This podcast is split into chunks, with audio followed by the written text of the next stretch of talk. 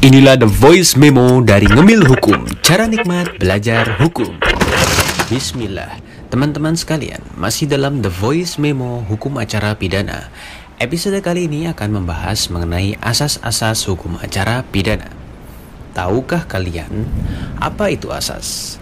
Kalau menurut KBBI Online, asas adalah dasar atau sesuatu yang menjadi tumpuan berpikir atau berpendapat dasar cita-cita atau perkumpulan atau organisasi hukum dasar. Nah, dalam hukum acara pidana pun ada asas, ada dasar-dasar, ada tumpuan, ada prinsip-prinsip baik itu yang masih abstrak maupun sudah rigid yang mana hal-hal tersebut harus dipatuhi dan dijalankan oleh pihak-pihak yang berada dalam lingkaran hukum acara pidana. Karena ada banyak, maka kami akan coba ambilkan beberapa saja asas-asas yang menurut kami teman-teman sekalian perlu ketahui. Asas pertama adalah asas peradilan cepat, sederhana, dan biaya ringan. Maksud dari asas ini adalah harapannya peradilan tidak dilakukan dengan penahanan yang lama, proses yang berbelit-belit, karena ada hak asasi manusia yang terkait di dalamnya di dalam KUHAP atau Undang-Undang Nomor 8 Tahun 1981 ada banyak sekali pasal yang mencerminkan tujuan dari asas ini. Ciri-cirinya disebutkan dalam buku Hukum Acara Pidana di Indonesia karangan Profesor Dr. Jur Andi Hamzah pada halaman 12 berbunyi berikut.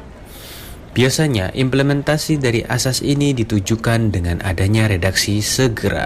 Contoh, Pasal 50 Kitab Undang-Undang Hukum Acara Pidana atau KUHAP mengatur tentang hak tersangka dan terdakwa untuk segera diberitahukan dengan jelas dalam bahasa yang dimengerti olehnya tentang apa yang disangkakan kepadanya pada waktu dimulai pemeriksaan. Ayat 1. Segera direkaranya diajukan ke pengadilan oleh penuntut umum. Ayat 2. Segera diadili oleh pengadilan. Ayat 3. Itu tadi adalah penjelasan mengenai asas yang pertama, peradilan cepat, sederhana, dan biaya ringan. Lalu asas yang kedua adalah praduga tidak bersalah atau presumption of innocent. Dalam hukum positif, ada undang-undang kekuasaan kehakiman yang mana disebutkan dalam pasal 8 bahwasanya setiap orang yang disangka, ditangkap, ditahan, dituntut, dan atau dihadapkan di muka sidang pengadilan wajib dianggap tidak bersalah sampai adanya putusan pengadilan yang menyatakan kesalahannya dan memperoleh kekuatan hukum tetap. Simpelnya begini, jika ada orang yang terlibat kasus hukum, dalam hal ini kasus hukum perkara pidana sampai adanya putusan pengadilan yang berkekuatan hukum tetap maka ia harus tetap dianggap tidak bersalah atas apa yang disangkakan kepadanya. Demikian penjelasan mengenai asas yang kedua yaitu praduga tidak bersalah.